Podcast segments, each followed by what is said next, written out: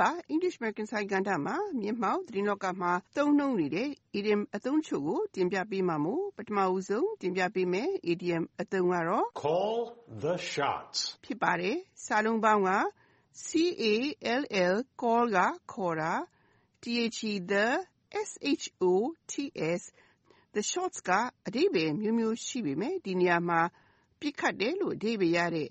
S H O O T shoot ဆိုတဲ့ကရိယာရဲ့ noun noun အဖြစ် အသုံးပြုထားပြီး S H O T shot ကပြစ်ခတ်မှု ဖြစ်ပါတယ်။ဒါကြောင့် စကားစုတခုလုံးရဲ့ လုံးကောက်အဓိပ္ပာယ်ကပြစ်ခတ်ဖို့အတွက် ခေါ်ပေးတာ ဖြစ်ပါတယ်။ဒီအသုံး ဆင်းသက်လာတာနဲ့ ပတ်သက်လို့ အယူအဆအမျိုးမျိုး ရှိပေမဲ့တစ်ခုကတော့ ရှေးဗြိတိသျှ သင်္ဘောတွေခေတ်ကဆိုရင်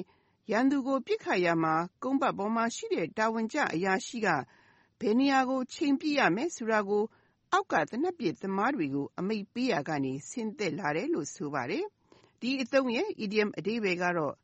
အဆုံးအဖြတ်ပေးတဲ့နေရာမှာရှိနေတာ၊အရေးကြီးတဲ့ ဆုံးဖြတ်ချက်တွေကို ပြုလုပ်တာ၊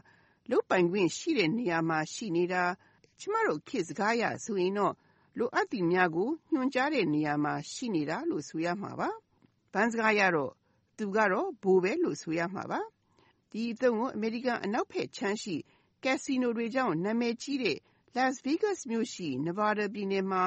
မနှစ်က ကျင်းပခဲ့တဲ့ သက်တမ်းဝက်ရွေးကောက်ပွဲမှာ အနိုင်ရခဲ့ပြီး ဒီနှစ် ဇန်နဝါရီလကစ တာဝန်ထမ်းဆောင်ခဲ့တဲ့ ပြည်နယ်ရဲ့ အထက်နဲ့ အောက်လွှတ်တော် နှစ်ရပ်ပေါင်း အမတ်63ဦးရှိရာမှာ အမျိုးသမီးအမတ်အရေအတွက်က တဝက်ကျော်ပြီး33ဦးရှိတဲ့အတွက် ဒီပြည်နယ်မှာ အမျိုးသမီးတွေက အဓိကလိုအပ်တာတွေကို ဦးဆောင်ပြီး အဆုံးအဖြတ်ပေးနေတယ်လို့ Washington Post သတင်းစာကြီးက ရှေ့မျက်နှာစာမှာ ရေးသားရာမှာ Where Women Call the Shots ဆိုတဲ့ခေါင်းကြီးနဲ့ရေးသားခဲ့တာဖြစ်ပါတယ်။ဒီအသုံးနဲ့ပတ်သက်လို့ George ကိုပေးတဲ့ဥပမာကိုလေ့လာကြည့်ကြရအောင်ပါ Mr. Green is the owner of the company, so he calls the shots. Mr. Green ကကျွန်တော်တို့ကုမ္ပဏီရဲ့ပိုင်ရှင်ဖြစ်တယ်။ဒါကြောင့်သူကဘာလုပ်ရမယ်ဆိုတာကိုအဓိကညွှန်ကြားနေသူဖြစ်တယ်လို့အဓိပ္ပာယ်ရပါတယ်။ ဥပမာနောက်တစ်ခေါက်လေ့လာကြည့်ကြရအောင်ပါ Mr. Green is the owner of the company,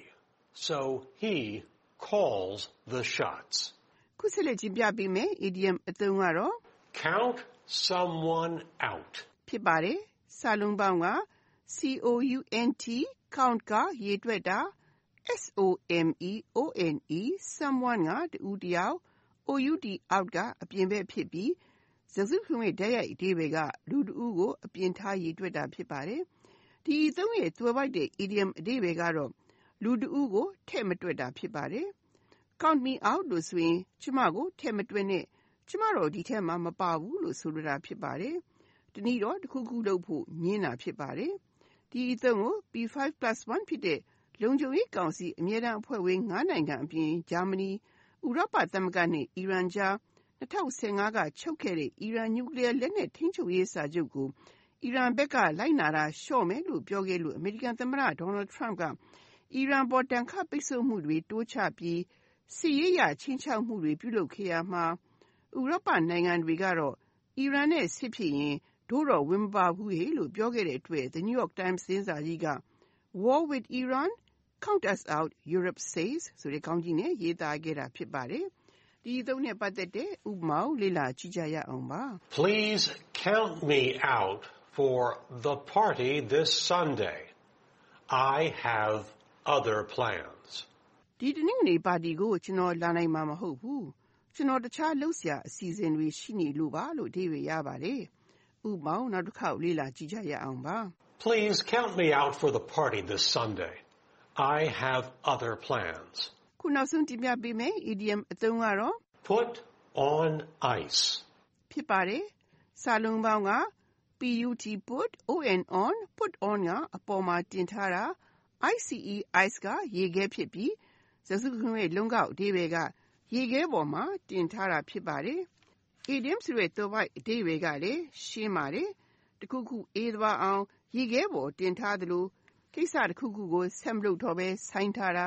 ခပ်အေးအေးခပ်ခွာခွာထားတာမျိုးကို ဆိုလိုတာဖြစ်ပါတယ်။ဒီအသုံးကို အမေရိကန်နဲ့ တရုတ်ကြား နှစ်နိုင်ငံသွင်းကုန်တွေအပေါ် အပြန်အလှန် အခွန်တွေတိုးကောက်မှုအပြင်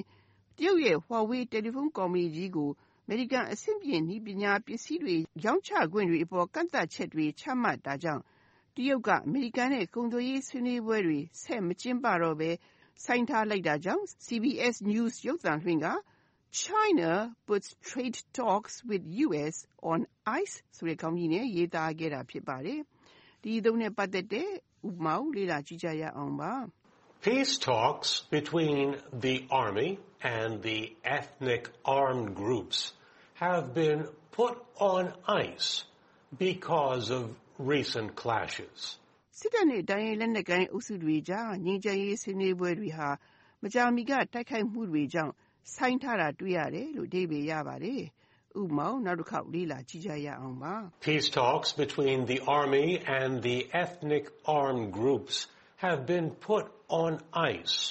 because of recent clashes. ဒီသတင်းပတ်တင်ပြခဲ့တဲ့ idiom အသုံးတွေကတော့ Call the shots, count someone out, put on ice. တို့ဖြစ်ကြပါတယ်။နောက်သတင်းပတ်ခုလိုချိန်မျိုးမှာလည်း နောက်ထပ် idiom အသုံးတွေကို ဆက်လက်တင်ပြပေးဦးမှာမို့ စောင့်မျှော်နားဆင်ကြပါရှင်။